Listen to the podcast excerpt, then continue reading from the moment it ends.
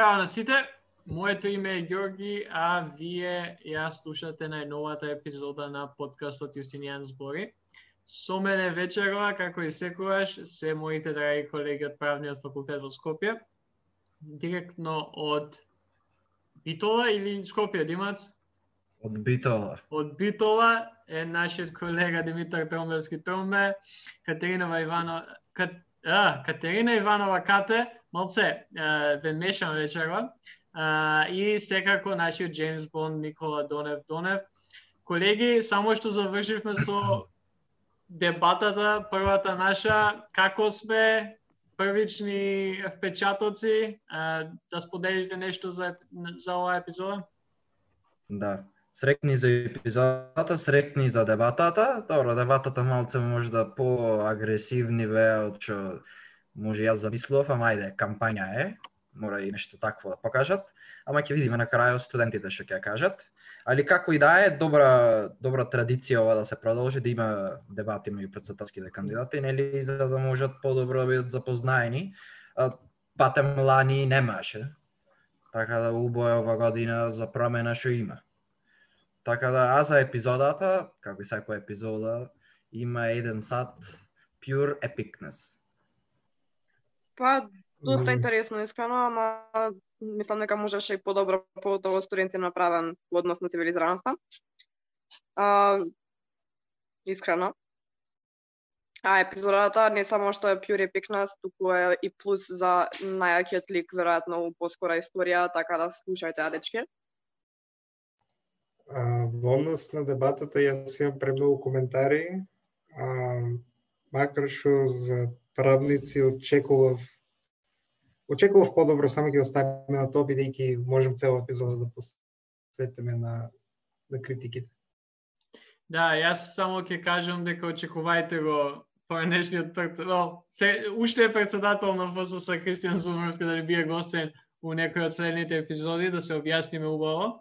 А, инаку да, за оние што еве не не следат, не се отправен, а, ни го слушат подкастот, само што ние завршивме со снимање на председателската дебата за а, факултетското собрание, студентско собрание на, на правниот факултет, затоа и сега малце лапам букви, заборавам зборови, мешам презимиња и имиња.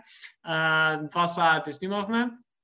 И денеска, поради тоа и поради друга причина, одлучивме да направиме нешто необично. Имено пред едно сега веќе и два и пол месеци седнавме јас, Никола и Катерина, Димац ни беше во Албанија, па него малце го оставивме да одмара. Седнавме и снимавме епизода за Рут Бейдер Гинзбург. Мислам дека снимавме на неколку дена после нејзината смрт. Арно ама, а, поради технички причини и поради малце а, презафатеност, никогаш не објавивме епизодата. Па затоа денес се одлучивме да идеме токму со таа епизода. Пак ќе напоменам, снимена е пред две и пол месеци, која уште изборите на САД не беа завршени, која уште беше далеку до, до самото гласање и секако Еми Кони Берет не беше изгласана како нова врховна судијка на, на Соединетите Американски држави. Така што немојте да ни замерите за, за оние мали, мали грешки што може би сме ги направили во предвидувањето, ама ја мислам, не ја слушав целосно пред сега да ја, да ја извадиме, ама мислам дека погодивме у доста од работите што ги зборавме тогаш, и кој што кажа Кате, на вистина е епизода каде што зборавме за една личност која е доста важна за, за правото, па и за политиката во светски рамки, не само во САД.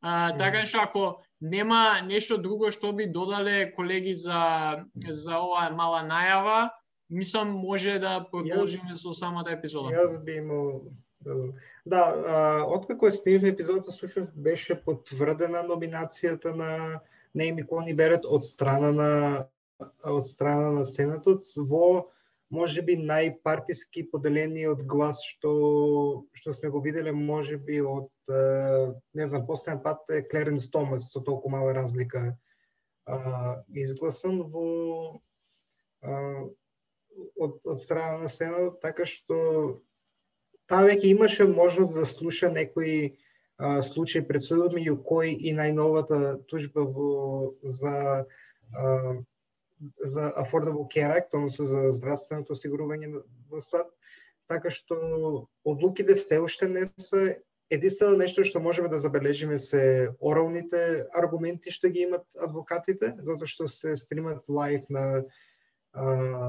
бидејќи се а, оддалечина и мислам дека тоа што сепак можеме да очекуваме не е дека ќе дека ќе биде а, она традиционален оригиналист може би може би по-конзервативно од Скалија, така што станува да видиме со оглед тоа дека сега имат мнозинство од 6 према 3 конзервативните суди.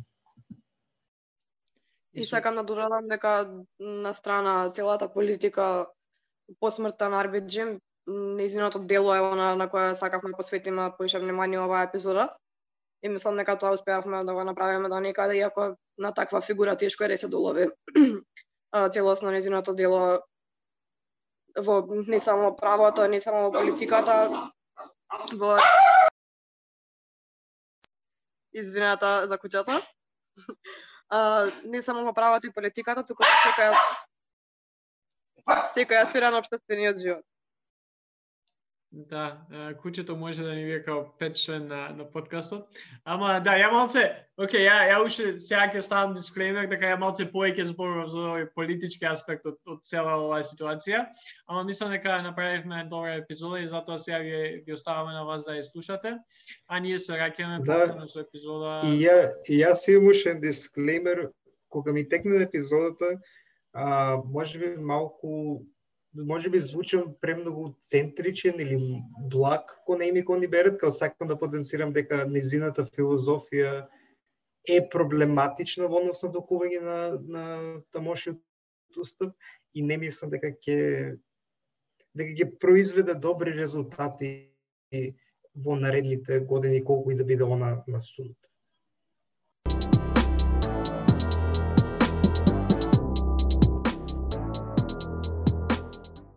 Не верувам дека и оваа епизода ќе ја снимавме ако не се десеше нешто у саботата. Саботата са бајле, а, малце убаво е, не знам, можевме уште тоаш да снимаме за унедела да ја вадиме епизодата, ама мислам дека убаво е што почекавме неколку дена да да видиме што и како ќе се случи. Имено ако не следите, ако слушате или гледате овој подкаст, сигурно знаете што се случи у саботата. Supreme Court Justice од Америка Рут Пейдер Гинсбург почина а, и не знам Уше, ја е баш сега пред снимање кажував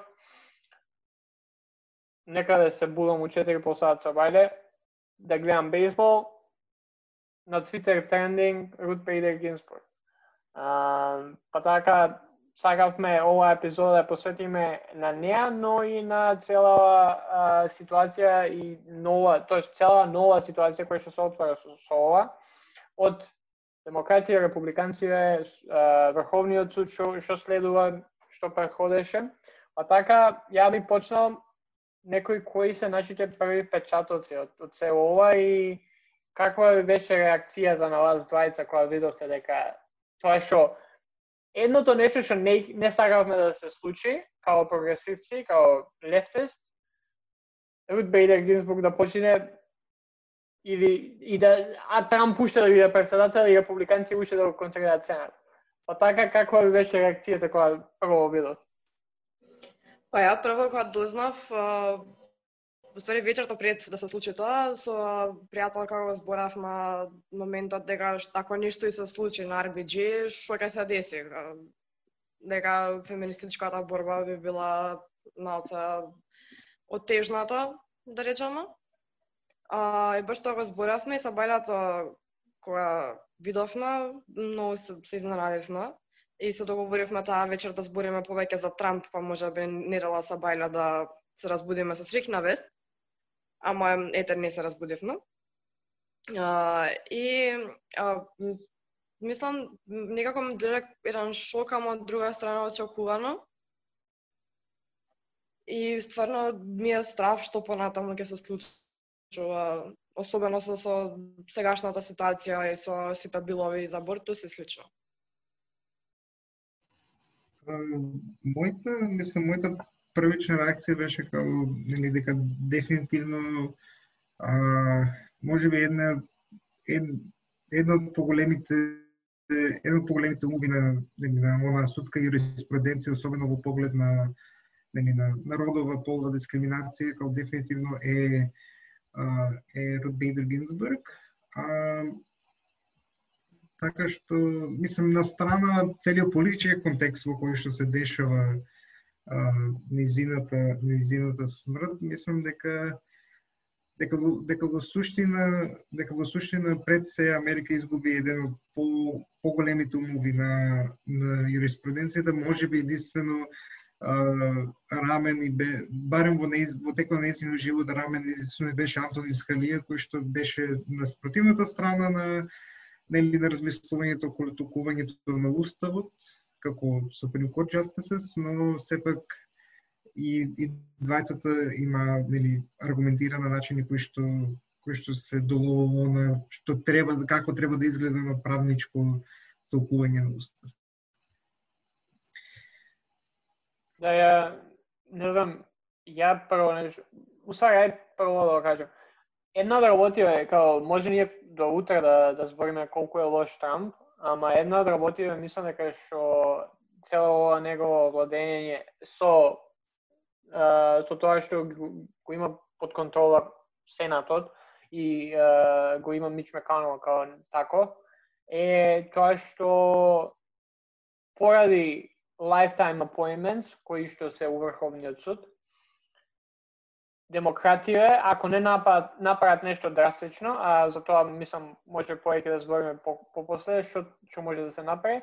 Ако не го направат тоа, ќе го изгубат Врховниот суд за едно добри 30, 40, 50 години, бидејќи истото што се случи и со Брат Кавана, исто Горсеч, Трамп и републиканците ако одлучат сега одма да идат, или па, не дај Боже, Трамп да победи, па уште толку и а, републиканците да задржат у Сенат а, позиција, ќе стават ќе стават врховен судија кој што ќе биде максимум до 50 години и ќе може да биде во судот уште до 30 на години. Така што ја мислам дека тоа е едно од нај, најлошите работи што може да се случат во владење, тоест ако Трамп е председател.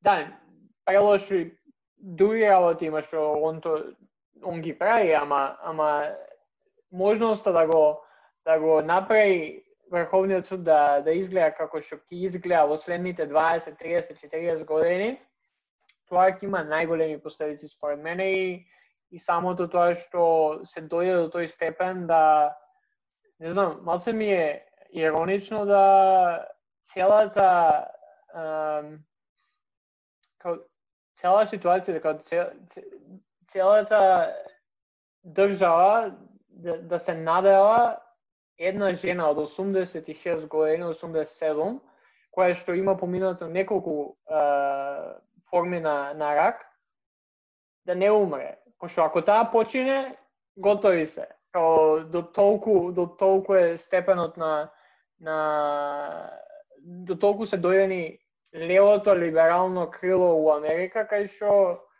се надеваш некој на кој што убаво кажа кате као не е неочекувано, као ние се надевавме дека нема да се деси. Ама знаевме дека е повеќе од возможно тоа да се случи пошто 87 години има. И, и самиот тој факт, а и плюс тоа што ни, со, ни се што има поминато во последните 10 на 15 години, очекувано. Така што, not, not much there.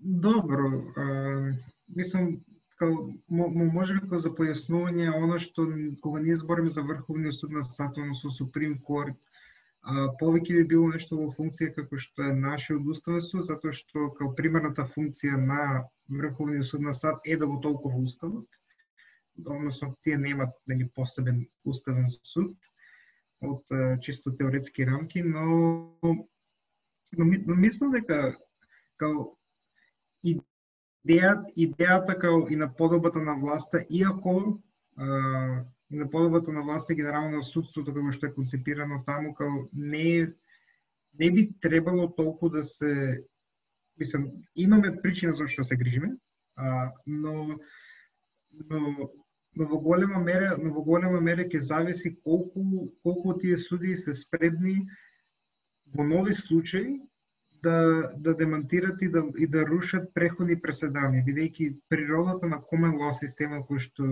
кој, нели кој што функционира во САД е дека колку повеќе преседани има од преходно, од преходни судски одлуки, толку е потешко да се да се да се а, да се сруши тоа пре, нели сите тие преседани преходно и да се воспостави нели нова но, нова практика. А,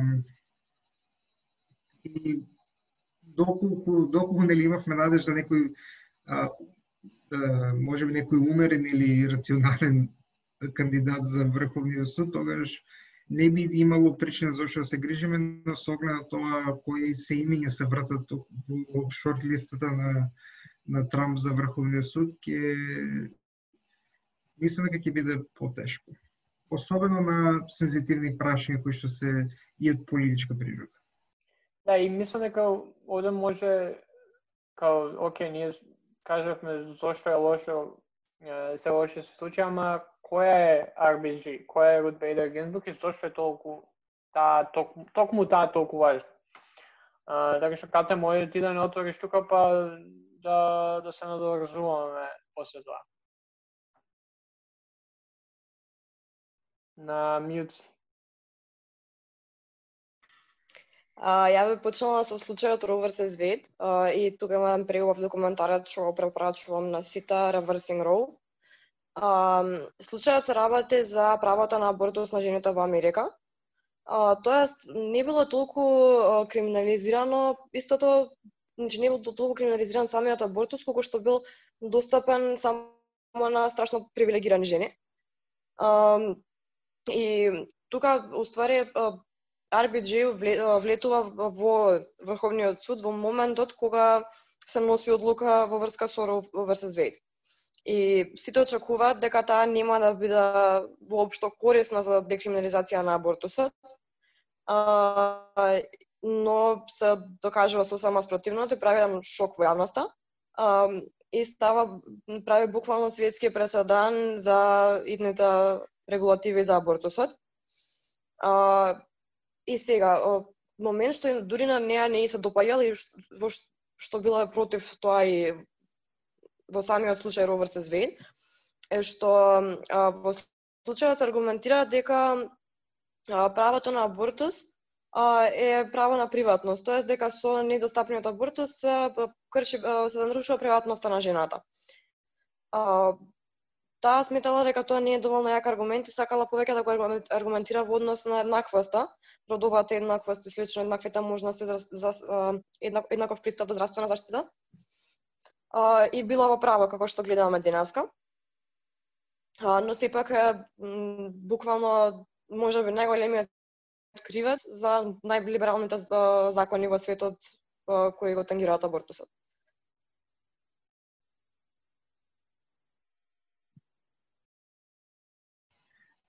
Да, инаку, инаку од историски поглед, уште пред, уште пред да да дојде на местото на, на, на врховен студија, тај, а, мислам, тај познат литигатор и адвокат, особено во American Civil Liberties Union, каде што прв, каде што низини, каде што низината идеја, особено во поглед тој судски активизам, кај што нели преку судовите се бара реакција на, на правото во однос нели на обште, одредени обществени промени, а, прв, всушност првиот неизин случај кој што таа го зема уште додека предава во а, во, во, во, во Радкастер University, така мислам дека се викаше, а преходно има дипломирано top of her class на, на Харвард и на и од Колумбија Ласку првиот случај е Commissioner of Internal Revenue, што значи дека сушност таа се занимава со а, со даночно право. Низиниот низиниот маш а, Мартин Гизберг е сушност еден од нај еден од најпознатите адвокати во однос на даночното право во во САД и сушност таа го аргументира случајот а, како како како продува дискриминација во, во суштина ги докажува дека бидејќи случајот се работи за негувател, каде што законот препоставува дека негувателот на а, на старо лице е секој жена. И таа аргументирава дека тоа е дискриминација против мажот. И од, и од таму почнаме на да долга низа на на нели на незини аргументации пред судови и пред мислам дека седум пред Врховниот суд од кој пет ги добива а, и на, и на 60 години таа е номинирана од страна на Бил Клинтон да биде uh, Associate Justice of the Supreme Court. Е сега, прашањето кој што овде се наведува, особено со оглед на изината возраст и смрт е а, колку, колку може да биде заштитено низиното наследство во поглед на сите majority opinions и особено на а, и особено на десенс, затоа што а, од моите мислења или десенс кои што ги пишуваат а, најчесто најчесто во иднина се користат за а, кога некој сличен случај ќе се ќе се изнесе пред судот за да за да се бутне некој преходен преседан. Затоа што на тој начин и работи тој комелова системот, така што каде е местото Мислам, моето прашање било каде е местото на тој судски активизам денес во во нели во барањето на обществена промена и реакцијата на правото кон таа промена. Ја, ја овде би додал, баш сега го отворен ми е кој каков е моментално распоредот у Врховниот суд на САД. И една од најзначајните работи е тоа што претходно го спомнав, ама тоа што а, со тоа што а, со тоа што имаме не знам како да опишам, како лево либерал, либерал, либерален судија, а, кој што повеќе нема да биде таму, а имаме председател на Америка кој што е републиканец, има сенат кој што е републикански, доколку сега они успеат да го вмет, како да го изгласаат кој да биде судија кој што Трамп ќе го назначи, силите во, во Врховниот суд ќе бидат до сега беше 4 со 4 со Justice Roberts, како тој uh, моде moderate, како, ама и тој поеќе републикан, републиканец од тоа што е демократ. Као, ама сепак може ај да се каже 4-4 со Justice Chief, uh, Chief Justice Roberts, кој што на крај ќе пресече. Сега нема да биде така, ќе имаш 3 на 6 3 на 5 со Chief Justice Roberts, кој што може слободно сега да си иде со републиканците, бидејќи не е толку битен. Ако ова се деси. Тоа е едно зошто е важно, зошто е важна неизината смрт, а второ е самиот преседан кој што републиканците го направија 2015 година, тоест 2016, кога Скалија почина, каде што бидејќи беше election year, uh, Мич Маконел, Тед Круз, Линдзи Грем и сите останати не дозволија Обама да номинира негов кандидат, тоест Обама го кандидираше, ама него него стави Мич Маконел него стави на гласање, а поради тоа што uh, Сенатот е таков како што е, majority leader во, во Сенатот има буквално целосна контрола врз целиот тој процес, па така Мич Меканал одлучи да не го стави на гласање воопшто Мери Гарленд, бидејќи според нивната логика, а, не е фер и никогаш во историјата на Америка не, се нема случено, тоест во 84 години мислам дека го спомнува тоа, дека а, во а, година каде што се одржуваат изборите, председател нема а, до сега номинирано и из, до, има изгласано или назначено врховен судија. Со тоа што а, рекоа следниот председател кој да биде, Трамп или Хилари, ќе ќе го има ќе има таа можност тоа да направи. Па така второто нешто е што ќе се видиш ка, дали републиканците стварно си држат на зборот. Ја ќе ви кажам уште сега нема нема тоа да се деси. Републиканците ќе си ќе си гледаат да изгласат што е можно побрзо. Па дури Трамп да изгуби, ќе направат така за да можат да гласаат а, кој да е кандидатот Трамп, се додека Бајден, пример, ако победи Бајден, до јануари Бајден нема да стапи а, на функција, а така ќе изгласаат било кој да е. А, од тоа е тоа е едно од као да работиме, ние може да збориме за која беше што има направено RBG, ама мислам дека со ова се отвара една нова димензија на на политичка криза во во Америка, каде што ќе има ќе има премногу премногу различни натерања, различни размислувања што треба како треба да се направи и ќе може убаво да се види која страна каде ќе влече. Ја немам многу надеж дека демократија ќе направат нешто, иако у саботата и неделата беа спремни на револуција, да, да направат по, поголеми работи од тоа што се направија сега со протести од Black Lives Matter, кога и самите и Џо Бајден и други гледа само помалце да ги да ги намалат тие протести, е, револуции, па така што немаме многу надеж дека демократија ќе направат нешто е, премногу и мислам дека ќе ќе имаме нов Supreme Court Justice во видот на, не знам, Тед Круз или, или некој од, од до душа мислам дека ќе биде жена заради optics и PR, ама ќе биде републиканец и, и со тоа и тоа ќе доведе до уште поголема криза у, у, у целава држава Америка.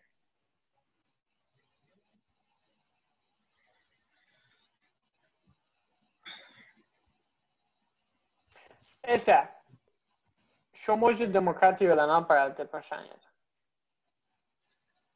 Добро, тоа е со оглед тоа дека не е дозволен веќе филибастер на на Суприм Корт на Алманис, ќе биде особено тешко да се блокира затоа што тоа се одлучува во Сенатот, каде што е majority републикан.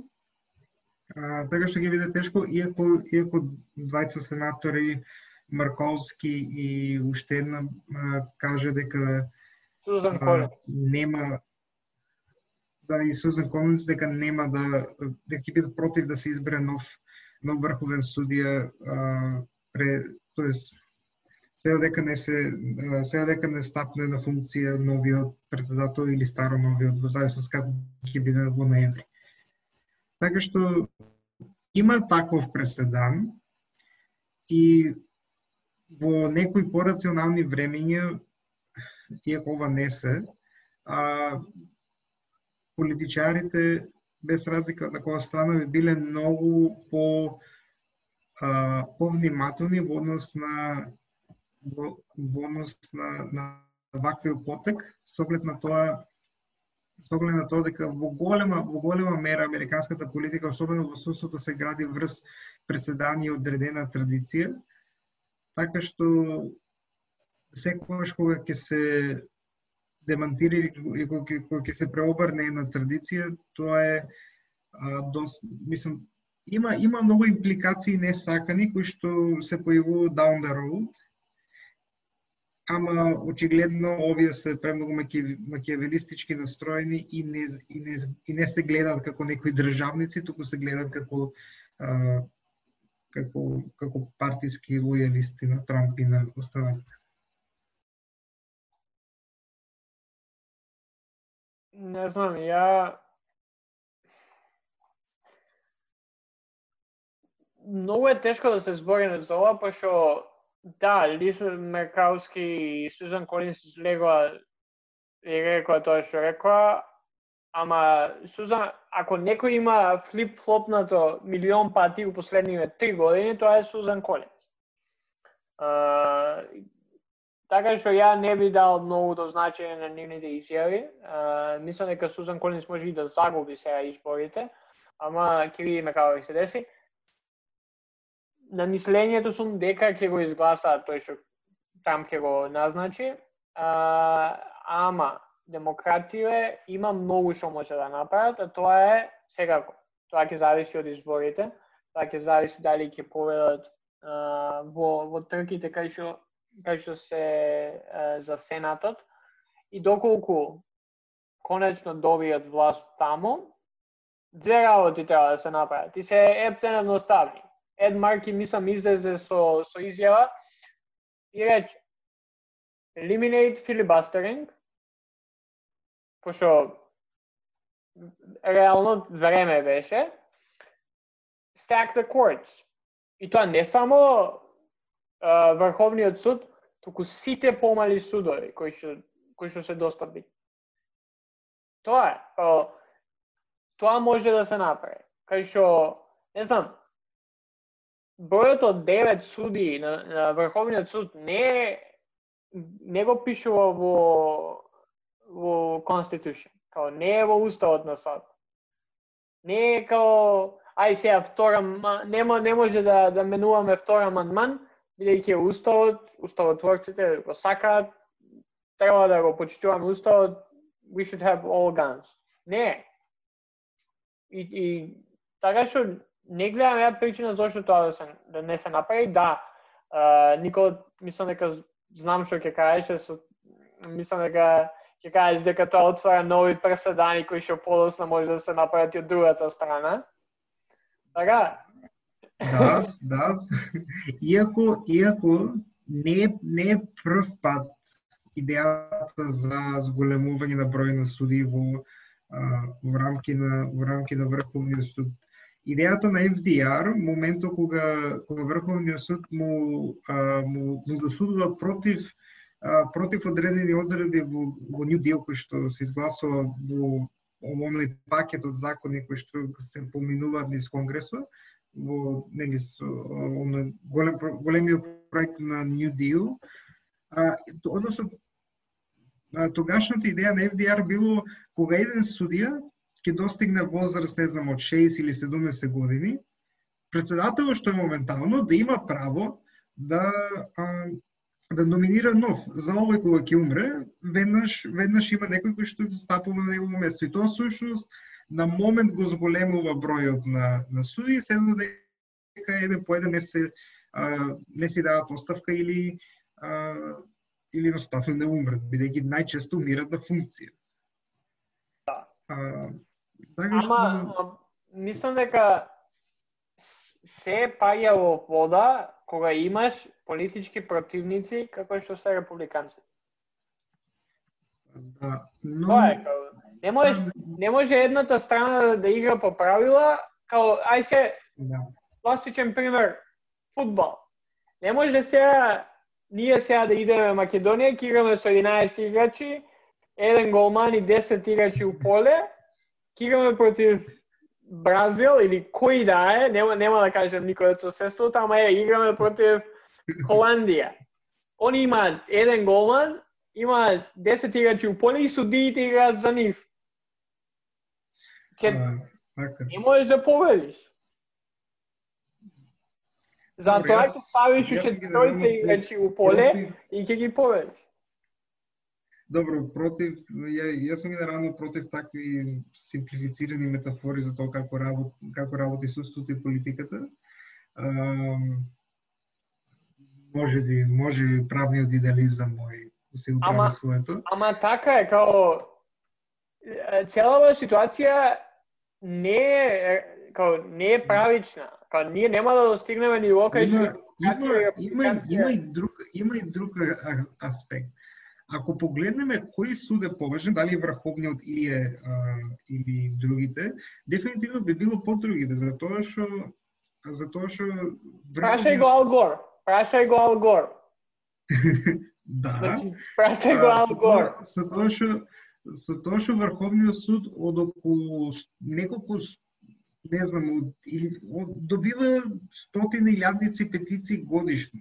На годишно ниво слуша секогаш под 100. Значи некаде а, некаде бројката се движи околу 80 на годишно на годишно ниво. Да, да, некогаш и помалце.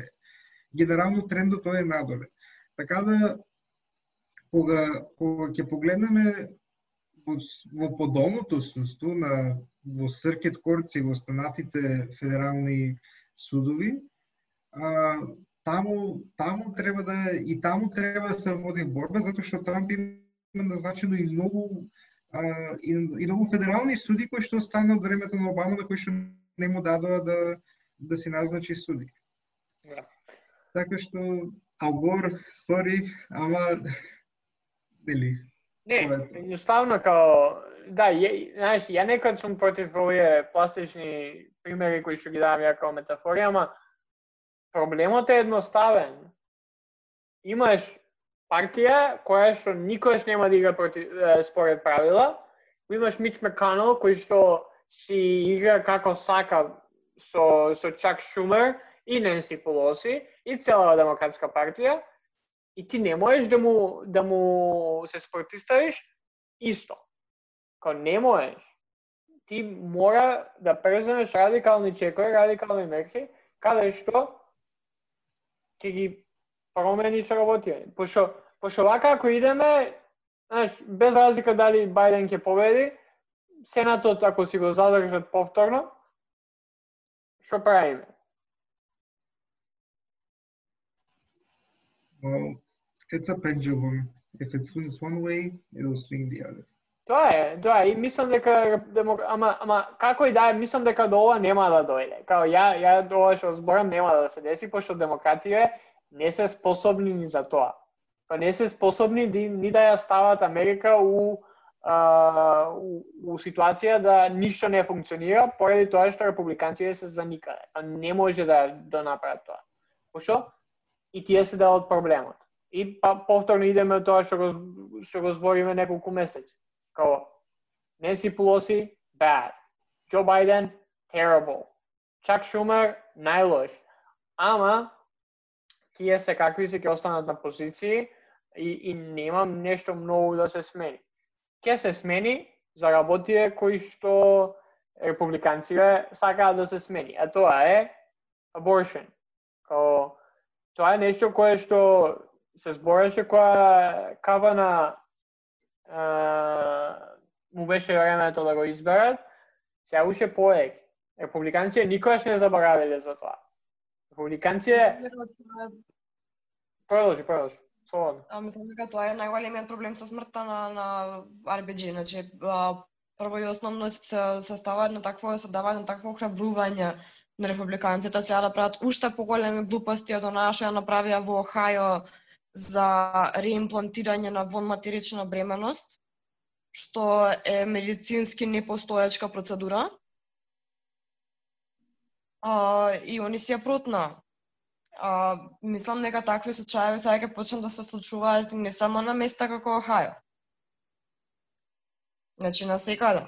И се повеќе абортусот ќе биде или убиство или убиство со умисла. Тоа е, поради, поради фактот што како да, како, како да го кажам ова, како, не верувам дека Мич Маконел или Тед Круз или било од кој од сенаторите кои што се републиканци го сакаат Трамп. Као лично не верувам дека го сакаат. Ама Трамп им е супер, бидејќи Трамп им ја им се согласува со нивната агенда. Која е нивната агенда? Tax cuts и religious rights. Под тоа спаѓаат абортус, спаѓаат gay rights, спаѓаат работи кои што сега добро што не се збора толку многу, ама две најбитни се тие. Е па тоа е, тие се тие одлики на мрзлива политика. Значи, Исполитизираја женската матка и имаш оружје. Автоматски. Исто така и исполитизирај го бракот или љубов или како сакаш наречи го со, со геј права. И имаш повторно уште едно политичко оружје.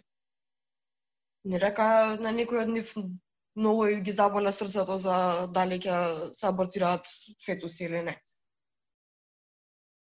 Па тоа е, мислам дека ја читав, не знам кој кој имаше оваа поента, а тоа дека уствари подобро ќе биде ако Трамп и меканол назначат некој судија сега пред изборите, како го протнат про целиот процес, бидејќи републиканците нема да бидат толку мотивирани да гласаат за Трамп да да замени судија со со некој кој што ги поддржува за abortion rights. Бидејќи една да од работите, и мислам дека зборавме тоа, баш uh, Фил која беше, тоа е one, vote, one issue voters. Uh, демократија не се тоа, прогресивција не се тоа, ама републиканција, прото evangelicals и conservative, имаат one issue и тоа као ако се ако не се согласуваат со Трамп на 300 работи и и оди и се коси со се за кои што тие стојат, доколку се согласува со него за abortion rights, доколку знаат дека кандидатите за Supreme Court и за другите uh, судови ќе бидат uh, ќе бидат во склад со нивната политика, ќе гласаат за Трамп. И ако знаат дека тоа е на линијата, како that's on the line, ќе гласаат во уште поголеми бројки. Знам дека малце целата теорија е извртена, ама држи вода, пошто такви се. Делам мислење до негда, ама од друга страна мислам дека е може да биде добро ако се постави републиканец во Супрем Корт, од причина што ќе може да поголем на болт. А некој, значи, некој мини Трамп да ја замени RBG, ќе биде поттек за револуција. Па јас затоа сакам Тед Круз да го избе. Као навивам за тоа. А, инаку, инаку чисто за чисто за појаснување, не се републиканци и демократи на Supreme Court, туку се конзервативс и liberals. Затоа што не е добро. Тоа е тоа, тоа е поделбата која што се гледа. Океј, океј. I just, I just want to point it out. Да, ама, ама самото тоа што се назначени, што се назначени од председатели кои се републиканец или демократ, Да, да, ама не треба, ама да, ама генерално тоа не треба да, да игра улога кој ги назначува, затоа што тие треба да го следат правото. Да, ама тие не, не го следат правото. Тие не, не го... треба, ама фактичката ситуација не е таа.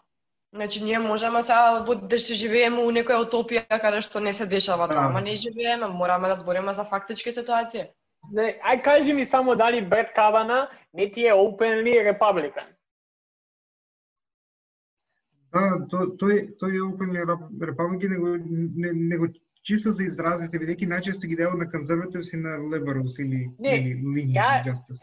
Ја те сваќам. И така може било у времето на Айзенхауер или Кенеди или Добро, нема да кажам Никсон, пошто Никсон е некој почеток на, на таа поделба помеѓу двете партии, на поголема поделба, ама не живееме у такво време да биеме политички коректни веќе. Као, еби га, тоа е.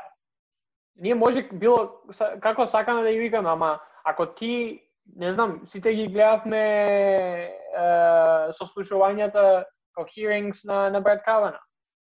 Човекот беше, едно што беше премногу за никаде, друго се, се расправаше со демократија.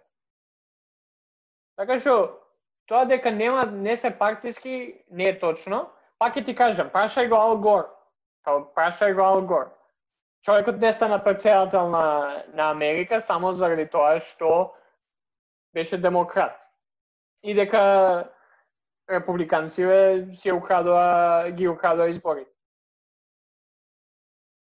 Замисли ти сега ние, ние е, 2020 да сме, Ал Гор да беше председател да победеше 2000-та година.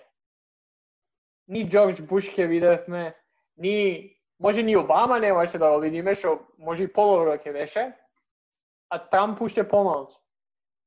Така што тоа conservatives, progressives, liberals, whatever, небитно. Сите се таму партиски, тоест партиски, малце во македонски контекст, сите се таму имаат своја своја агенда.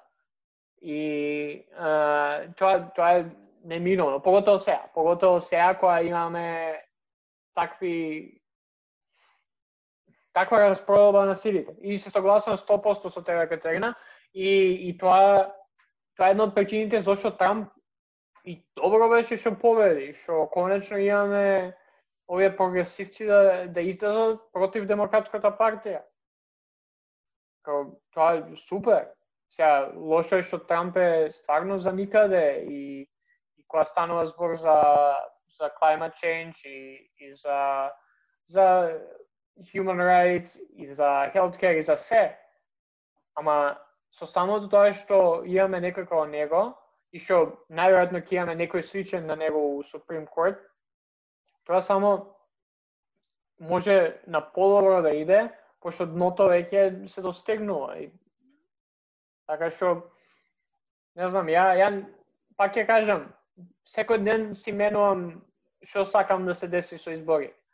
Денеска сум там да победи, утре може Бајден ќе сакам да победи. Ама кој да победи, ако ако прогресивците останат со демократија, не им се пише добро. Исто станува и за Врховниот суд. Па затоа викам дека треба нешто вакво по радикално рецимо се деси. Um, Затоа што е баш тоа што се менја од ден на ден, затоа што не бараме више добро или лошо, него бараме да е нешто лошо од кое може да искочи, може да ќе искочи малце добро нешто може би. И тоа е огромно можда. Е, мислам дека баш бирање на конзервативец у Саприм Корт ќе биде баш тоа. Една причина огромна плюс за револуција. Да, само само се надевам дека Ненси Полоси нема да ја води револуцијата. Пак одвезла помало. не знам, а, преска, преска читав дека нели Ед Марки излезе, го спомнав тоа, излезе со изјава дека ако Мич Меканал и Трамп успеат со ова што сака да направат, да опротнат нивниот пик, а, дека треба да се да се укине филибастерот и да и да да се зголеми бројот на суди. Има репорти дека од кампањата на Бајден не се многу срекни поради тој коментар. Има репорти дека Бајден не бил среќен. Што Ед Марк излегол и го рекол тоа. Што мене ми, ми кажува една работа, тоа е дека Бајден никако нема тоа да направи. Као ние може сега до, до утре се валја да збориме што демократија треба да направат, Ма Џо Бајден тоа нема да направи. А, а и кој зна дали ќе победат воопшто воопшто на изборите кога станува збор за за сенатори, ама ова ова што збориш ти, Кате, мислам дека најубаво се гледа со тоа, чекај само да најдам кај беше твитот, колку само пари беа фандрейзнати денот кога RBG почина и целиот викенд. Па, премно, преголема сума на пари, американци даваат, дали тоа се на поединечни кандидати, кога станува збор за Сенат рейсес, дали тоа се на на кампањи кои се за, за да се зголеми луѓе, бројот на луѓе кои гласаат и нивните права, дали тоа е на, на заедни, заеднички а, фондови кои што после тоа се распределуваат на, на оние Senate races на кои што им е потребен, на кои што им се потребни пари, преголема сума на пари се а, се донира во, во, во целиве овие колку е ге 90 и нешто сати, и може и поеге. Ама не можам сега да не... Тоа ми е најмногу зборот за RBG, преца легенда и значи се уште живе и после ова. и ќе живее многу долго у, у целата правна реалност. Затоа што жената направи светска револуција у женските права првично, у феминизмот второ, не ја поврзувам само женските права и феминизмот како исти, затоа што збориме тука едноставно против патриархот. И жената направи буквално еден бум, што денеска за жал е пошто гледаме дека светскиот тренд е малца anti-human rights. Го гледаме и у комши, у Полска и Словачка, како според примерот на Охајо и слични. Почнува да се уништува незиното дело. Ама мислам дека незината смрт е оноа што ќе направи уште поголема легенда и уште повеќе луѓе ќе ја чујат и ќе бидат запознаени со делото и ќе има малце, многу, не малце, многу поголем беклеш за истиве регулативи што се буквално античовечки. Да, ми, мислам како дека генерално барем не во однос на незиното на, па наследство во специфично во САД ќе биде е ќе мислам ќе издржи онолку колку што се силни незините незините аргументи во а, во majority opinions кои што кои што ги пишува, но истовремено особено важно ќе бидат и незините двојни мислења кои што се кои што ги пишува нели против одредени одлуки на на, вр, на, на Врховни суд како нели Supreme Court Justice.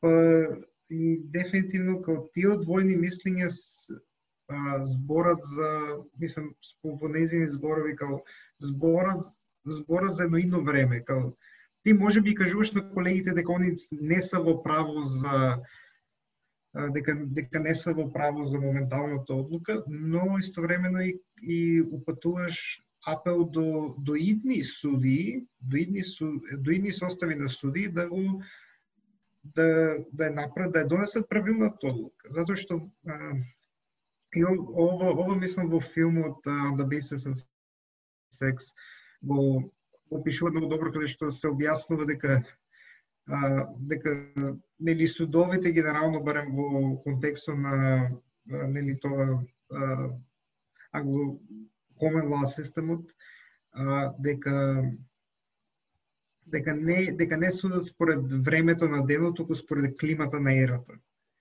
Дека и за жал моментално во во услови кога е поларизирано сето таа се, се до тоа кога нема издиференцирано кој е волјата на, на нацијата и на или на времето, на климата на времето, на ерата, едноставно ќе ќе се водат тие борби и конфликти и затоа го гледаме ова. Да, инаку бројките се 46 милиони само и таа вечер. 46 милиони долари, кои што само таа вечер, као до сабајлето, Значи, петок вечерта таму, сабајле у сабот. Што е преголема сума на пари.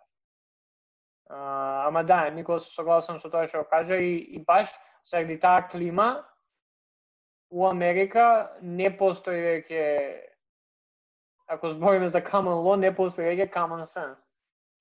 Од тоа ќе биде или си со нас или си против нас, а тоа ќе значи а, голем број на жени да го изгубат правото кое што до сега го имаат таму. И тоа убаво каза го, го спомна, тоа ќе се користи како а, причина и како а, I guess, I guess начин што да се прави во, во други држави во светот. И, и мислам дека колку и да, не знам, Руспе, као Рут Бейдер Гинзбург не е перфектна личност. Као, има своји а, и добри и лоши работи, но без разлика на, на сето ова, ситуација во која се наоѓа Америка, па и светот, е премногу лоша и, и, и незината смрт, ако не се направи нешто драстично, ќе промени многу работи, ама на полош. па така, джаве ќе ни биде и со помалото зло да идеме, која тоа помало зло ништо нема да направи. Е, ама да, една работа која што сакав да ја спомнам е тоа што гледам повеќе прогресивци или левичари кои што не се дел од таа генерална маса на демократи е тоа дека демократија сами си го добие, мислам, да, како добие зборот. Може ова да, да го да го направат да не се случи. Можеше убаво Рут Пейдер Гинсбург и а, Стивен Брејер, кој што, кој што се уште е судија таму, во Врховниот суд, може убаво да си се а, пензионира додека Обама беше председател, поготово додека има супер majority во Сенат и во а, представничкиот дом од 2009 до 2011 кога Обама успеа да протне а, двајца кандидати, може убаво тоа да направат, да, да Обама да предложи кандидати кои ќе бидат максимум до 50 години и со ова, ова ние дискусија немаше да ја имаме. Као, колку и Рут Бейдер Гинсбург да има направено за, за, за, за луѓето за кои што таа има направено и за, за, за, за работите и за, за правата кои што таа има овозможено се уште да, да, да обстојат и да ги добијат за прв пат, ние за ова немаше да зборим. Ама бидејќи ниту тие двајца, бре уште судија, Рут Бейдер Гинсбург не дочека да биде наследена од некој кој што ќе размислува слично као неа и од а, демократски председател, ние сега сме у ситуација како што сме сега. На, од другата страна пак го имаме случајот на Ентони Кенеди, кој што беше назначен од Роналд Реган во 88 година и убаво си дочека, после Обама, си го дочека републикански председател, се договорија со Трамп кој да биде неговата замена во видот на Бред Кавена, кој што by the way беше клерк, клерк на на Кенеди, не знам како е на македонски. Као не знам. При, приправник. Приправник, му, бе, му беше приправник на самиот Ентони Кенеди. И Ентони Кенеди се пензионираше со тоа што републиканците уште еднаш покажа како треба да се игра политика. Така што ова е нешто кое што Ептен, за Ептен се нервирам, и ки демократија има шанса ова да не се случи. Знам дека малце може и не фере спрема Рут Бейдер Гинсбург, поготоа кога збориме за за, за сите неизни достигнувања и работи кои што таа успеа да ги направи. Ама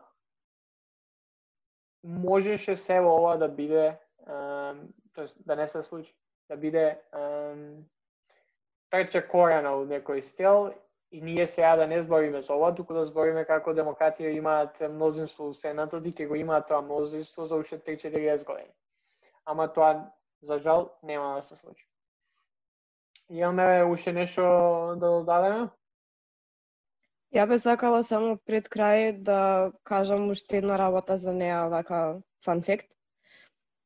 тоа е дека RBG не е само активист за абортус, току, она е првиот револуционер, би рекла, а, во полето на сексуални и репродуктивни права.